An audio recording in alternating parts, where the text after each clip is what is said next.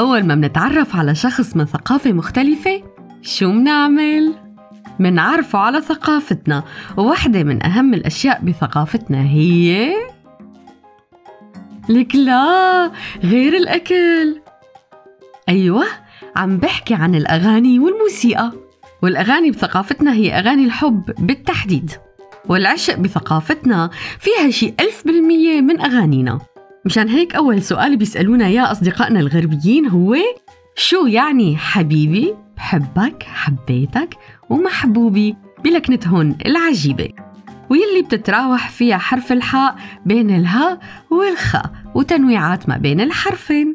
حبيبي خبيبي اللي بدك اياه فمفتاح كتير من الثقافات هي الأغاني يلي فيها. فلما مننتقل لبلد جديد أو ثقافة جديدة في وسم بيوسم موسيقى هذا البلد ومفرداته. فببلجيكا في La Bohème لجاك بريل وبفرنسا إيديث بياف ومجموعة من الأغاني أشهرها الحياة باللون الزهري La Vie en rose.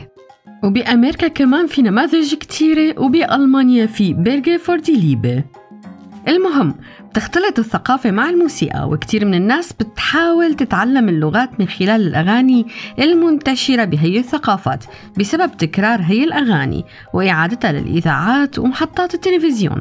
مشان هيك رح حاول استعرض شو هي الأغاني أو الأنماط الغنائية يلي ممكن يتعلم منها الشخص اللغة العربية. أول نتيجة من الصعب إنه تلاقي أغاني باللهجة السورية لتعلم هي اللهجة. وعم بحكي عن اللهجة البيضة يلي جاية من اللهجة الشامية تبع المسلسلات لأنه هي الأغاني شبه معدومة. اللهم إلا إذا رحنا لمراحل سابقة مثل الخمسينيات والستينيات ويلي فيها بعض النماذج اللي ما كتير مفيدة. وإذا رجعنا للتراث في عنا تعي على الفي وبيلبق لك شكل ألماس. لكن ما بظن غنية مثل هزية نواعم خصرك الحرير ممكن تضيف كتير لقاموس اللغة. لشخص عم بيتعلم لغة جديدة. أما لهجات المحافظات الأخرى فبتلاقي رواج أكثر. وممكن كتير نلاقي مطربين وأغاني من المنطقة الشرقية على وجه التحديد. ويلي بيحلو للبعض بإطلاق تسمية مطربي الكراجات عليهم. ويلي بعكس ما ممكن كتير من الناس تفكر إنه هي أغاني هابطة بالعكس في مجموعة كبيرة من هالمطربين قدموا فن حقيقي عبر سنوات طويلة. بس اختلاف اللفظ عند هدول المطربين بكتير من الحروف مثل القاف الجيم الشين الكاف. بيخلي عند متعلم اللغة العربية بعض الصعوبات. ومن نفس فئة مطربي الكراجات في مطربي الساحل. وما عم بحكي عن علي وحسين الديك.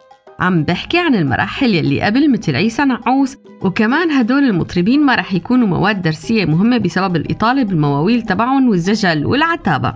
بحلب في مادة دسيمة من الأغاني التراثية يلي بتصلح أنه تدرس لتعلم الحلبية.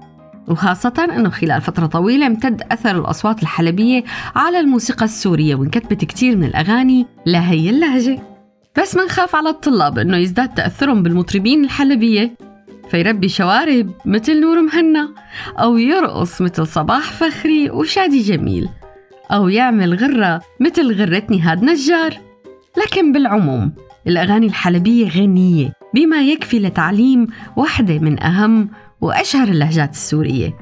مشان هيك إذا لازم نلجأ بأحيان كثيرة لأغاني من الدول الشقيقة وبالأخص اللبنانية. أما شو هي هي الأغاني؟ فرح أتركها لفقرة تانية من المنقوشة. كنت معكن أنا رئيفة بهي الفقرة. أبوس روحكن وشو قفا؟